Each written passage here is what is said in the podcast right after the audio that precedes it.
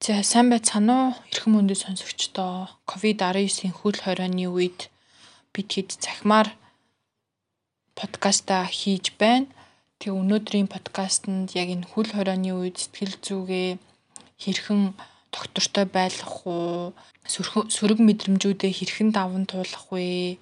Холын харилцаанд байгаа уулзах чадахгүй байгаа хосууд яах вэ? Бас хөл хорионы үед салчгсан байгаа үед яах вэ? Бас come out хийж тэ өөрийгөө LGBT хүн гэдгээ гэрийнхэндээ ч юм уу дотны хүндээ найздаа хэлчихэж байгаа бол юуг анхаарах уу гэдэг дээр ярилцлаа. Тэгээ та бүхэн подкастаа хүлээн авч сонсноо.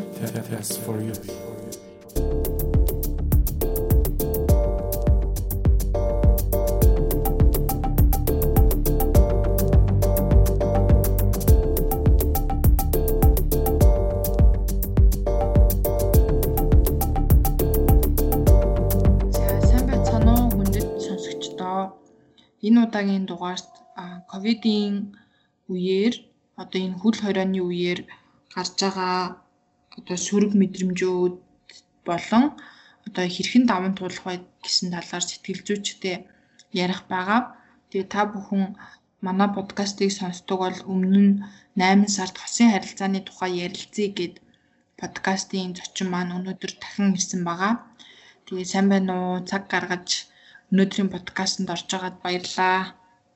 За сайн уу? Сайн уу сонсогчдоо баярлалаа намайг асуурж оролцуулж агаад өнөөдөр сая Кенаг хэлсэнчлэн ковидын үеэр стрессээ, төвшүүрээ яаж бууруулах юм? Ер нь яагаад бид нарын бид нарт энэ таламжгүй мэдрэмжүүд үүсээд байгаа юм бэ гэдэг дээр бүгдээрээ ярилцсан. Мэдрэмжээ бүгдээрээ ямар нэгэн байдлаар эерэг, сөрөг гэж одоо?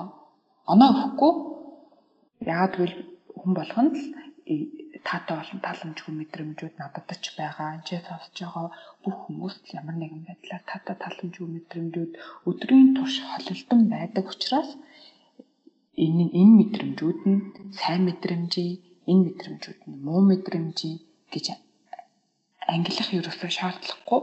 Бүгдээрээ л бид нарын зүрхэнд мэдрэгддэг, бид нарын үйлдэлд нөлөөлдөг ийм болохоор тэгэхээр төмөрөө таатай тааламжгүй буюу чамд мэдрэгдэж байгаа тэр одоо мэдрэмжээр нь ангилнаа л гэсэн үг шүү. Тэгээ энэ ковидын үед буюу ялангуяа зөвхөн ковид ч биш бүхий л цар тахлын гинтийн нөхцөл байдлын үеүүдэд хүний сэтгэл зүйд айдас, төгшүүр, стресс өөр ямар гэдгийг хүн болгоны онцлогоос шалтгаалаад тааламжгүй мэдрэгдүүд мэдрэмжүүд мэдрэгдэх нь мэдээж хэвийн зүйл. Яагаад гэвэл бид нарын бид нар магадгүй одоо та э, хөл хорой загалсан санаж байгаа бол гинт өглөө босоод ирэхэд хөл хорой тогтоосон байсан, ковид гарлаа гэж бүх юм хаацсан байсан тий. Бид нарын тэр өдрийн хийвч исэн, төлөвлөж исэн уулзалтууд, ажлууд, сургуулиуд гэх бүх юмуд төлөвлөгөө нь тэр өдрийнх бол ингээл таслагдсан ямар ч боломжгүй болсон ихэнх нь энэ шиг яг бид нарын цаашдаа төлөвлөж исэн үйл ажиллагаанууд болно доо гэж хүлээж исэн зүйлүүд бид нарын хяналтаас гадуур тодорхойгүй байдалд орчиж байгаа. Хизээ ажил орох юм, хизээ ажил бие дээрээ орох юм. Магадгүй ажиллаж байгаа хүмүүст бол хизээ энэ эрчимтэй байнгын ингэж ажиллагаатай байгаа байдал нь хизээ хэв юм болох юм сургуулиас хизээ орох юм? Найзуудтайгаа хизээ уулзаж болох юм? Хизээ би дуртай дэлгүүрлүүгээ яваад шопинг хийж болох юм? Гэх мэтчлэн бүх зүйл бид нарт ямар ч тодорхойгүй байдалд байна. Энэ нь зөвхөн Монгол улсын хэмжээнд ч биш.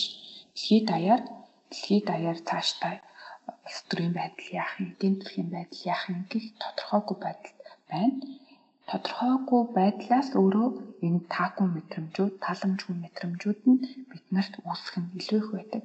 Тодорхойгүй байдлаас төгшөөр үүсдэг, юу болохыг мэдэхгүй төгшөөр үүсдэг. Тодорхойгүй байдлаас айдаг, тэгээд стресстэй эхэлдэг. Гэт энэ тааламжгүй мэдрэмжүүд хүн болгонд тодорхой хэмжээгээр үүсэж байгаа. Надад ч гэсэн, Кенад ч гэсэн энэ сонсож байгаа сонсогчд бүгдэнд нь их бага хэмжээгээр энэ тааламжгүй мэдрэмжүүд харилцан адилгүйгээр ялгаатайгаар төрж байгаа.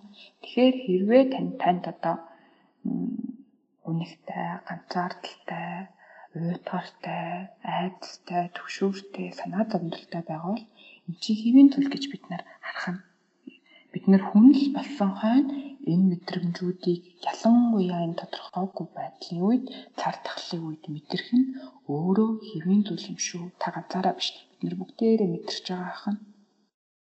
Ялангуяа сэтгэл хөдлөлөө хэвийн үеүүдэд хэрхэн эрүүлээр тогтвордог байсан даламжгүй сэтгэл хөдлөлүүтэй хэрхэн илэрхийлдэг байсан хэрхэн даван тулдаг байсан гэдгээс нь шалтгаалаад одоогийн нөхцөл байдалд төвшүүрийн хэмжээ нь ямар байна тэрийгээд хэрхэн даван туулах юм гэдг нь бас харилцаа адилгүй болчихж байна.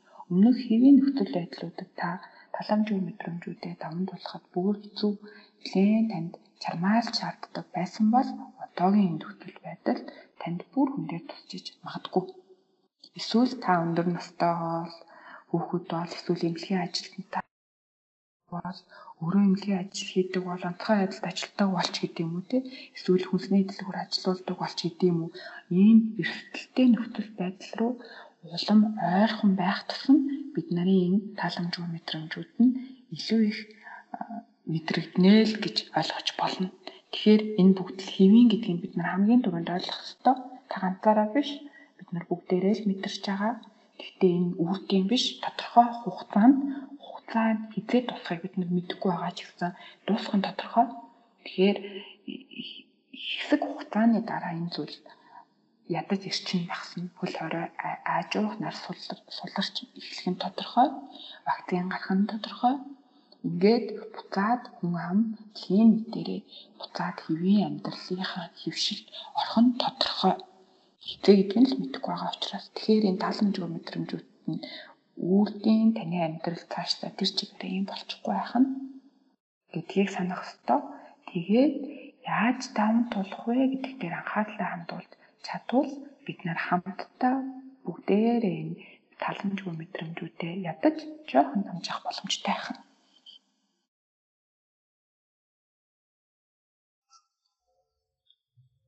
За тэгэхээр хүмүүс бас ковидоос хойш бас нэлийн уулзалтууд хийж яхад хүмүүс хэрхэн стресстэй байна уу, айж байна уу, төвшөж байна уу гэдгээ бас анзаарахгүй үед байна. Анзаарахгүй байна. Асуухаар өвөө нэрээ дэж байгаа юм байна штэ гэд тэ бие өөрийн мэдрэмжээ ажиглахгүй үед байна. Ингиж ажиглах нь яагаад чухал юм бэ гэхээр хэрвээ бид нар ажиглахгүй, анзаарахгүй үл томсорлоод энэ мэдрэмжүүдийг яваад л байвал бүр эцэстээ энэ таламжгүй мэдрэмж маань бүр том болсны дараа эсвэл бие махбодд маань ямар нэгэн шаналал, шаналал, товнол одоо өвдөлт ирсний дараа бид нар ажиглахаас өөр аргагүй болсны дараа л ажиглаж эхэлдэг гэсэн үг. Тэгэхээр бид нар уулын энэ мэдрэмжүүд эхэлж явах үед арай жижигхэн байх үед нь бид нар эсвэл бүр эхлэхээс нь өмнө ч гэдэг юм уу арга хэмжээнүүд авчвал тэрийг заавал томруулаад бүр нойр хөдөлт оруулаад эсвэл хоолны туршилт ч юм хэмжээгээр нөлөөсний дараа эсвэл нийгмийн харилцаанд бүр орхоол одоо төвшөөдөг болсны дараа ч гэдэм эсвэл таны ужиг хууч хүчнээс хэрэгсний дараа заавал бид нар арга хэмжээ авч одоо мэрэгжлийн зөвлөгч гэдэг юм уу те эсвэл эмнэлгийн үйлчилгээ сэтгэл зүйч гэдэг юм хүмүүстэй одоо холбогдож холбогдохоос өмнө эхлээд өөртөө хийж болох арга хэмжээнүүдийг авахын тулд ямар ямар шинжүүд танд стресс, түгшүүр, айдас чинь нэмэгдэж байгаа ямар ямар шинжүүдийг мэдэж болох юм бэ гэдгийг ярих чинь. За бид нар санаж байгаа хүмүүс тэгдэг штэ. Стресстгээрээ, санаа зовнил ихсгээрээ хоолоогоор хоол тавхаа болчлоо. Эсвэл унтаж чадхаа болчлоо. Тийм үү? Эсвэл ингээ гэдэс бацлаад байна гэд ингээ булчин чанга энэ зүйлсүүд нь бүгдээрээ булчин чанга булчин чангаралтай холбоотой. Хоолойны булчин чангарч байна, гэдэсний булчин чангарч байна. Тарих өөрөө унтаж чадхаа болцсон байна ч гэдэг юм уу. Тэгэхээр бид нарын сэтгэл санааны байдал биеийн бие махбодод ялангуяа хамгийн эхлээд булчин булчинд маань нөлөөлөд байдаг бол бид нар энийг булчингаа эргүүлээд сэтгэл булчингаа чангалж сулалж өөрөө удирдснаар сэтгэл санааныхаа тэр тааламжгүй байгаа мэдрэмжүүдийг арай багасгаж таатайгаар таатай болох боломжтой гэсэн үг. За та булчингуудаа ажиглаад үзээрэй. Тухны дугсгийн булчин чинь чангарсан байна уу? Суларсан байна уу? Ямар нэгэн байдлаар хүчээр өөрөө чангалаагүй байсан ч гэсэн стресс торхоор, төгшүүр мэдрэхээр өөрөө ирэхгүй чангацсан байдаг. Хэрвээ тийм байгаа бол та одоо хоёр гараараа хоёр хуруугаараа ингээд дух хөмсөг орчмоо нэг илээд судлаад өгөөрөө. За нурууныхан булчингаас ажиглаараа хүшсэн байна уу? Яасан байна? Өөрөө ирэхгүй та бүгдээсэн байна уу? Тэгвэл нуруугаа нэг тэнээлгээд Wonder Woman гэдэг дээр шүү дээ. Нэг бааtruуд хоёр гараа ташаандаа аваад эрэмгий зоригтойгоор ингээд зогсдог. Тэгвэл та энэ полыг өөр дээрээ аваад нэг 3 секунд, 5 секунд зогсоод үзтээ нуруугаа тэнээлгээд мөрөө хоёр мөрөө твхийг тэнээлгээд хоёр гараа таацсан дээрээ аваад хэсэг дээрээ аваад ингээд нэг уушаа тэмүүлж байгаа мэт зогсоод үзтээ энэ зогсолтыг хийхэд аажмар хүнд одоо тата мэдрэмжүүд төрүүлдэг гормонууд баг багаар нэмэгддэг. Тэгвэл өдрийн зарим үеүүдэд бас энэ зогсолтыг хийж өөртөө итгэдэг лээ. Тэр үсэт байгаа тааламжгүй мэдрэмжүүдээ багсгаж болох нь. За гэдэс хэвлийгээ бас ажиглаад үзээрэй. Баг дээрээ чангарсан болчихно чангарсан гэдэг нэг бөөнөрсөн мэт байж магадгүй. Тэгвэл хоёр гараараа зөөлөн дэшээ харж хөвтж жагаад илээд чангарсан эсгүүдтэй массаж хийгээд нэг үдтэй. Ихэнх хүмүүсийн хувьд бас ингээ хоёр шүтээ хооронд ингээ тал тавчсан байдаг. Компьютер дээр юм хийж явахдаа, ном уншиж явахдаа ч гэдэг юм хийж явахдаа өөрөө ирэхгүй ингээ хоёр тавчаа дуудсан байдаг. Тэгвэл энэ нас таны булчин чангараад стресстэй түгшээд тааламжгүй мэдрэмжүүд таны бид үүсээ тагаагийн тохионоо тайхна. За хүзүү хөвчлэн бас чангарсан байдаг, хуян хөөрнө гэж ярьдаг, хүзүү хөшин гэж ярьдаг. Энэ мэдчлэнгээр дээшээ харж хөвтөж агаад биеийнхаа хэсэг бүрийн булчингуудыг ажиглаад үзээрэй.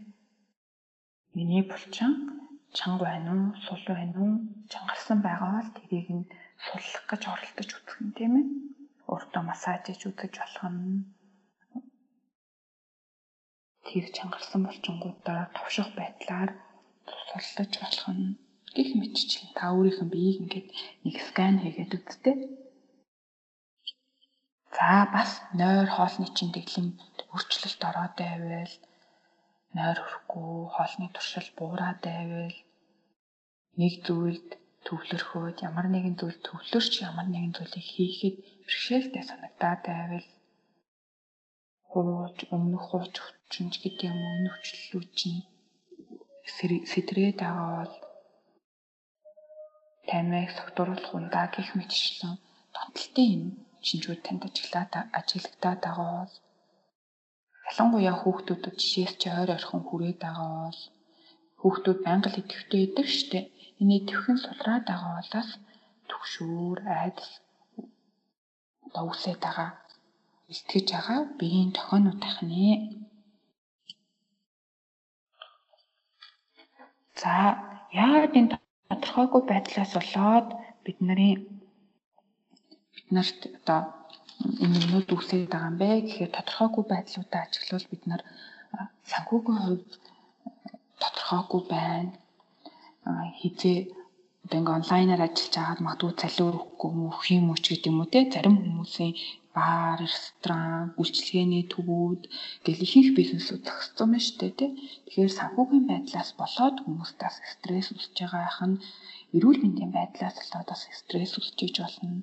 Би ковид тусчих болов уу, болов ч гэдэг юм уу тий. Эсвэл өөр эрүүл мэндийн шалтгаанууд, ажил, сургууль гэх мэтчлэн энэ олон шалтгаануудаас болоод энэ бүгд тодорхойгүй байдлаас болоод бид нар саяны стресс түвшүүрүүд үүсээд стресс түвшүүрүүд маань бие дээр чинь хэрвээ та сэтгэл санаагаа ажиглаж чадахгүй байгаа бол бие дээр чинь аль хэдийн юм тохиолнууд ирсэн байж болох юм аа гэд өөрийгөө ажиглаад үзээрэй гэж байгаа юм шүү.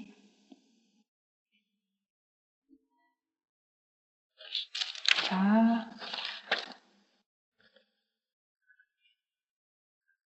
За бид нар тэгвэл энэ сая бие ажиглаад сэтгэл санаагаа ажиглаад утсан чинь тэгэхээр таны сэтгэл санаа нь таламжгүй мэдрэмжүүд, стрессүүд, төвшөөрүүд үүсэж байгаа бол юу хийж яаж болох вэ? Ялангуяа энэ ковидын нөхцөл байдал, онцгой нөхцөл байдал та өмнө стрессээ тайлдаг тайлдаг байсан дуртай зүйлсүүдээ хийхэд магадгүй хөл хорой тогтоогдсон байгаа байх. Өмнө яг хийдэг байсан зүйлээ энэ нөхцөл байдалд дуурайгаад яг тэр хэвээр нь хийхэд магадгүй асуудлууд үүссэн байж болно. Тэгвэл энэ онцгой нөхцөл байдалд юу хийвэл яавал арай дээрээр арай нааштайгаар таатайгаар даван тулж болох вэ гэдэг хэдэн зөвлөгөөнүүдийг хүргэе. Гэхдээ миний энэ өгж байгаа типүүд нь яг тань дээр аваад хэрэглэхэд бас боломжгүй байж магадгүй. Тэгвэл өөр дээрээ бас яаж хувираж хэрэгжилж болох вэ гэдгийг сайн бодороо. За, найз нөхөд гэр бүлийнхэндээ анхаарал тавьж болно. Сошиал дээр хүмүүс тэгж юм л да гэрийнхэнтэйгээ танилцлаа. Зарим хүмүүс энэ нөхцөл байдалд бараг атны юм боллоо ч гэдэг юм уу те яг тийг санагдаагүй л ахал та гэхдээ бас тийм илэрхийллүүд гарч байна гэрээндээ цаг хугацаа гаргах юу нөхцөл бүрдлээ хүүхдтэйгээ хичээлийг хийхэд давуу тал үүслээ ч гэдэг юм уу бас эргээр хальт бодож байгаа юмудаа сошиалд илэрхийлж байна. Тэгвэл та бас найз нөхөд гэр бүлийнхэндээ анхаарал тавьж болох нэ тэд нартайгаа цагийг өнгөрөөж болох нь ярилцаж болох нь үсээд байгаа энэ таны зүрхэнд ямар ямар мэдрэмжүүд үүсэж байна. Татайж ажиллана таламжгүйж ажиллана тэр мэдрэмжүүдээ найзуудтайгаа гэр бүлийнхэнтэйгаа та хэнийг татнэ гэж боддیں۔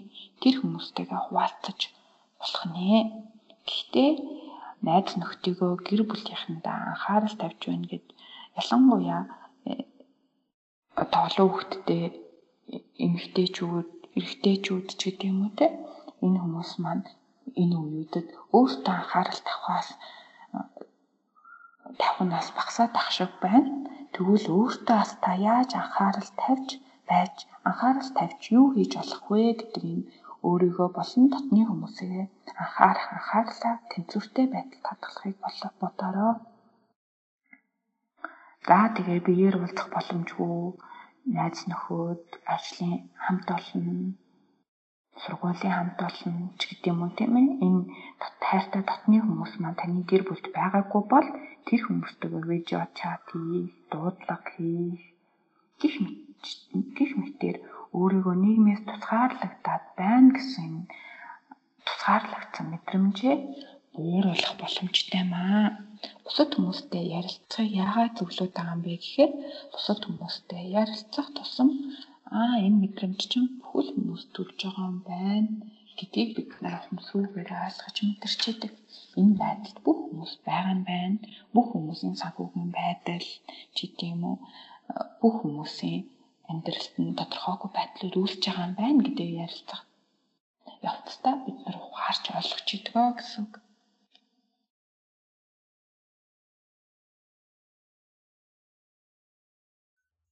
За тэгэхээр одоо бүх хүмүүс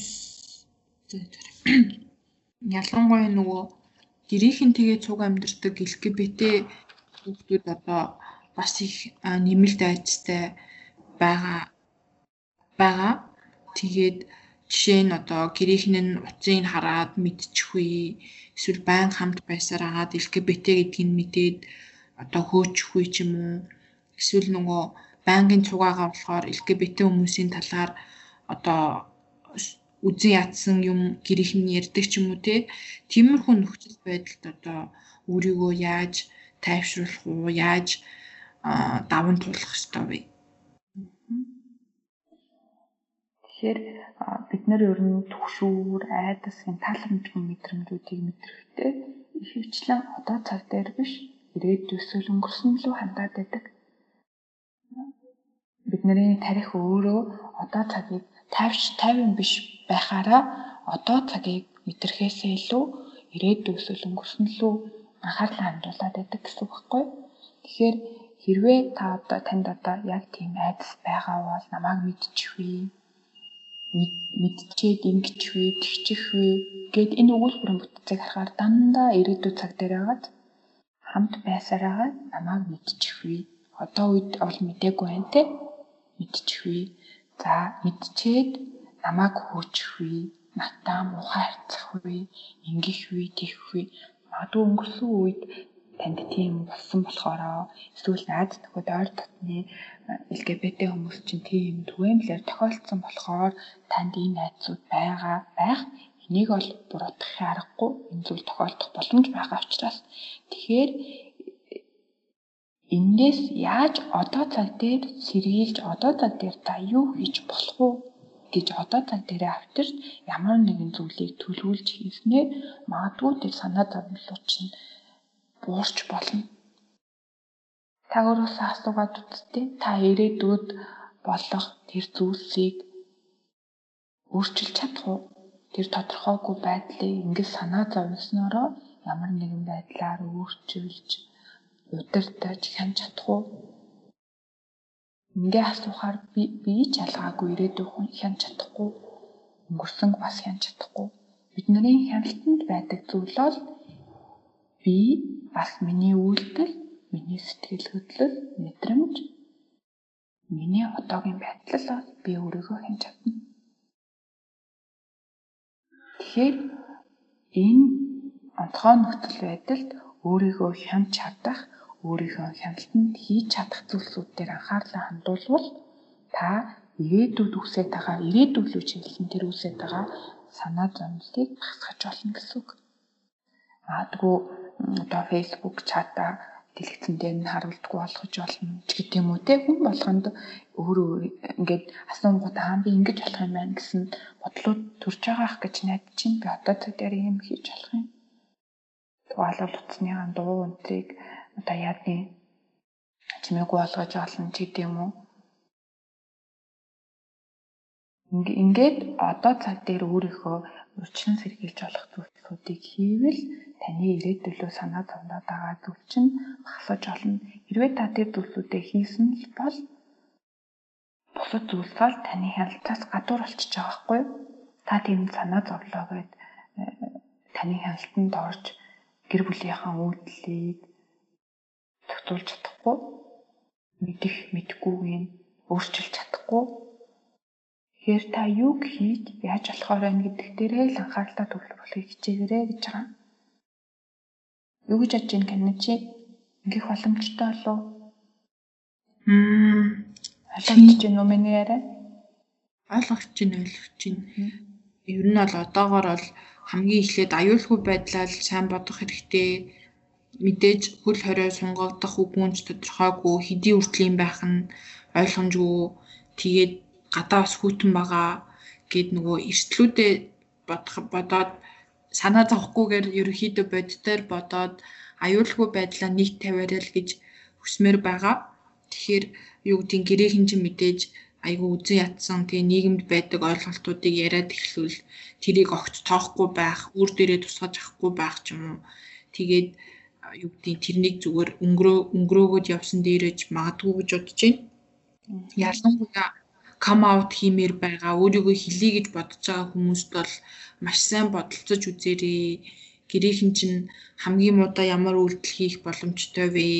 Хүлээн зөвшөөрөхгүй бол одоо чамаг одоо гэрээс чинь хөөх ч юм уу эсвэл ямар нэгэн байдлаар хүчрхийл үйлдэх болов уугүй юу гэдгийг сайн бодоод тэгээд шийдвэрээ гаргаасаа гэж хүсэж байна. Яг зөв. Би санал нэгж байна. Ялангуяа сая бас подкаст хэлгээд хэлсэн шүү дээ. Хүн болгоно тодорхойгүй байдлаас үүсээд таламжгүй мэдрэмжүүд одоо мэдрэгдэж байгаа. Танай гэр бүлийнхэнд ч бас энэ зүйлсүүд мэдрэгдэж байгаа. Тэгэхээр сэтгэл санааны хувьд ийм тогтворгүй байдалтад нь та бас гинтийн одоо мэдээ дуулах, гинтийн мэдээ тэр нь таныг гадарлаж байгаа ч гэж болно л доо. Гэтэл тэр хүмүүсийн хувьд тодорхой хэмжээр гинтийн мэдээ байгаа. Энэ зүйлсүүдийг дуулгах нь бас нөгөө хүмүүс ч өөрийгөө хянахгүйгээр хумсартай бишээр үл гаргахад илүү одоо боломжтой байх гэсэн аахгүй яг гэвэл сэтгэл санааны байдал нь угаасаа тогтворгүй байгаа. Тогтворгүй байгаа дээр нь гинти мэдээ дуулах нь бас төгстэй үе эсхийг Кенагийн хэлтгэр сайн бодороо. чагаа. За өөр асуулт Тэгээд би бас даван туулахдаа дахиад хэд хэдэн зүйлсүүдийг нэмж хэлэх гэсэн. Даван туулах. За найдвартай их сурвалжаас мэдээлэл авах гэдэг нь маш чухал байгаа. Одоо энэ үед зарим сайн сэтгүүлчдийг хүмүүс найдвартай их сурвалж гэж андуураад байна. Найдвартай их сурвалжаас тогтмол өдөрт ганц юм уу хоёр удаа л мэдээлэл ав. Бити байн байн ковидын үеэр мэдээллүүдийг ухаж түнхээл байнга тэр өвчлөлийг яаж нэмэх чинь гэдэгт анхаарлаа бити хандуулаа гэж байгаа. Энэ сөрөг мэдээлэл болгоно таны тань таламжгүй мэдрэмжүүд та удирдах гэж жүтэй хатаа хичээж байгаа энэ таламжгүй мэдрэмжүүдийг бүрэл нэмэгдүүлнэ гэсэн. Тэгэхээр найдвартай их сурвалжаас тогтмол цагт өдөрт нэгээс хоёр удаа л мэдээлэл авахыг зөвлөж байна. За тэгээ өөрийн хэн чадах зүйлдээ л анхаарлаа хандуул. Өнөөдөр таны санаа зовлоо гэж таны хяналтанд биш байгаа зүйлд аль болох санаа зовхгүй байхыг аль болох одоо цаг дээр төвлөрөхийг хичээгээрэй. Одоо цаг дээр төвлөрөхийн тулд гүнзгий амьсгал авч олно. Дээшээ харж хөвчж хагаад хөлгийн хуруунаас эхлээд нэг нэгээр нь одоо толгой үзүүр хүртлээ нэг нэгээр нь булчингаа чангалаад сулалж болно өрөөнд байгаа ногоон зүс ногоон зүслүүдийг тоол хийж гэдэг юм уу те? Цонхоор нисэж байгаа болчмруудыг 10 хүртэл нь тоол хийж гэдэг юм уу? Гих мэтчлээ ингээд та одоо цаг дээр анхаарлаа төвлөрүүлэх боломжтой дасгалуудыг бас интернетээс хайж үзээрэй гэж байгаа.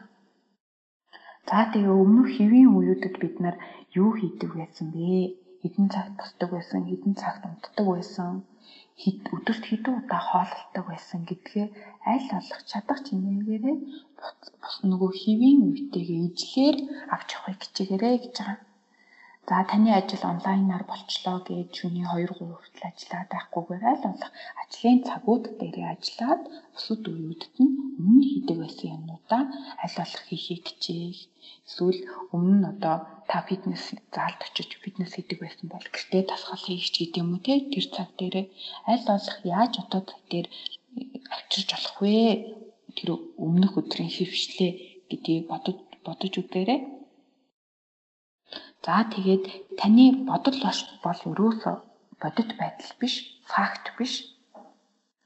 Харин энэ таны бодлууд нь зүгээр л мэдрэмжүүд бодлоос үсэж байгаа мэдрэмжүүд танд мэдчихэж байгаамаа гэдгийг болохоор жишээлбэл манай гэрийнхэн мэдчих болов гэж энэ бодоод байгаа зүйл нь бодит байдал ерөөсөө биш. Бодит байдал дээр бол тийм зүйл огт болоогүй энэ зүгээр л таны бодол тэгээд энэ бодол нь тань таламжгүй мэдрэмжүүдийг үүсгэж байгаа байх нь гих мэтчлэнгээр ингэж бодлоос хорж энэ яг факт мөн үү үгүй юу гэдэг дээр анхаарлаа хандуулаарай гэж байгаа. За. За тэгээд өөрийн аль болох төлөвлөж чадах зүйлс дээр анхаарлаа хандуулаарай. Өнөөдөр юу хийх юм? Одоо гэртээ ямар ямар ажлууд хийх юм яах юм гэдэг өнөөдрийн зүйлээ аль болох төлөвлөөрөө гэж байгаа. Энэ нь яагаад чухал юм бэ гэхээр бид нар тодорхойгүй байдал гэдэг бол бид нар төлөвлөж чадахгүй нөхцөл байдлыг хэлдэг те. Энэ тодорхойгүй нөхцөл байдал бид нар өөрийнх нь чадах жижиг зүйлүүд төлөвлөх нь бид нарт эргээд хяналтан одоо миний амьдралд миний хяналтанд байгаа мэд мэдрэмжийг төрүүлсэн гэсэн үг. Тэгэхээр аль болох төлөвлөөл төлөвснөө чеклээл дараал хийснээ дараал ингэдэг шүү дээ тийм энэ зүйлсүүдийг жижиг гэлтгүй хийгээрэй гэж юм шүү.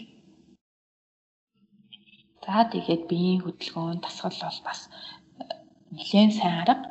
Энэ нь ад жаргалын гормонуудыг ялгаруулдаг, татаа сайхан мэдрэмжийг биед мэдрүүлдэг. Тэгэхээр тодорхой нэг өдөрт 15-аас 30 минут ч гэдэг юм уу ирч ирчтэй дасгал тань та өөр тохирох нөхцөл байдал чинь хийж болох дасгалуудыг хийж болно гэж байгаа юм шүү. За миний өөх зөвлөгөөнүүд ингээд боллоо. Тэгээд хамгийн гол нь энэ бол хэвийн зүйл, хэвийн үзэгдэл, үрдэм биш. Тодорхой хугацаа дуусгаад би ч гэрээсээ ажиллахаа болно. Би бас гэрээсээ ажиллаад байгаа. Гэрээсээ ажиллахаа болно. Буцаад одоо офис дээр очиж ажилладаг болно ч гэдэг юм уу те. Гэх мэтчлэн. Тэгэхээр хүмүүс бас ингэж аль болох өөрийнх нь хийж чадах зүйл дээр анхаарлаа хандуулж энэ цаг үеийг өөртөө илүү ээлтэйгээр таатайгаар даван тулаасаа гэж хүсэж байна. За надаа нэг хоёр асуулт байгаа. Одоо яг энэ үеэр салж байгаа хосуудад юу гэж хэлэх үү? Хэрхэн даван туулал зүгээр бэ? Зөвлөх үү? Аа. Энэ үеэр салж байгаа хосууд бодлоор буцаад аягүй өгүүлж байгаа тэр хамт байсан үеүдээ өгүүлэх нь хүн болгон салсны дараа өгүүлдэг л дээ ямар ч асуудлаас олж салсан байсан тэгсэн тодорхой хэмжээний тэр хүний орон зай дутагддаг, өгүүлэгддэг. Тэгэхээр энэ үед бол нөгөө нийгмээс тусгаарлагдсан юм шиг мэдрэмжүүд хүн болгонд байгаа учраас энэ үед бүр их санаах өгүүлэгдлүүд бий болж байгаа. Гэтэ энэ бол энэ үедээ л холбоотой зүйл тэр хүнтэй биш энэ үедээ холбоотой зүйл ахгүй юу? Таны сэтгэл санааны байдалтай ч холбоотой. Бид нэр ганц ах зүйл салтын үед ч биш. Хайртай хүнээс ахсан ингээд үерхээ болсон ч биш салсан юм хосын харилцаа салсан ч биш энэ нэг нэг одоо хагцлаар алдах биеийнхээс нэг хэсгүүдийг алдах ч гэдэг юм уу те эсвэл одоо төр хугацаанд гадаад явах ч гэдэг юм уу иймэрхүү бүх төрлийн энэ бүгд чинь салалт хагцлахгүй энэ бүх салалт хагцлуудад бид нар тодорхой үе шатуудыг даван туулж ойролцоогоор 6 сараас 1 жилийн дараа тэр хүнийг өгүүлэхээ санахаа тэр хүмүүгээр амьдарч сурдаг гэсэн үг. Тэгэхээр энэ байдал нь таны сэтгэл зүйн онцлогтой хамааралтайгаар тэгээд бас та хоёрын харилцаа хэр дотн байсан, хэр гүнзгий байсан, таны амьдралд ямар их орон зайг эзэлжсэн гэдгээс шалтгаалаад та энийг даван туулах хугацаанд бас бүр уртсаж магадгүй юм. Тэгэхээр та одоо санаж байгаа бол тэр хүнийг өгүүлж байгаа бол энэ нь хүн болгонд бас мэдрэгдэх хэвийн зүйл гэж ойлгоорой. Ялангуяа ноцхон нөхцөл байдалд та зөвхөн тэр хүн байгаа болохоор тэр хүнээс салцсан учраас энэ зүйлийг мэдрээгүй. Та өөр батаас, болтоос, дулмаагаас салсан байсан ч гэсэн яг ижилхэн юм санах, өгүүлэх, дурсах яагаад салчив та, юу бит хоёрыг салахчив та ч гэдэг юм уу те ямар мэдрэмжүүд төрж байгаа ямар бодлууд төрж байгаа тэр бодлууд байна гэсэн үг шүү. Тэгэхээр энэ энэ зүйл ахна. За бас хол байгаа уулзаж чадахгүй хосууд байгаа бах тэр ид маань хэр даван тулжааг бас сайн мэдэхгүй байна. Би хоёр захад байгаа ч юм. Яах тийм эсвэл тодорхой одоо хайртай өмнө нь өөр орон төрлөө яваад одоо хүртэл ирж чадахгүй байгаа ч гэдэм үү те энэ төлөвлөөгүй байдлаар хацвал амсаж байгаа хосууд байж магадгүй.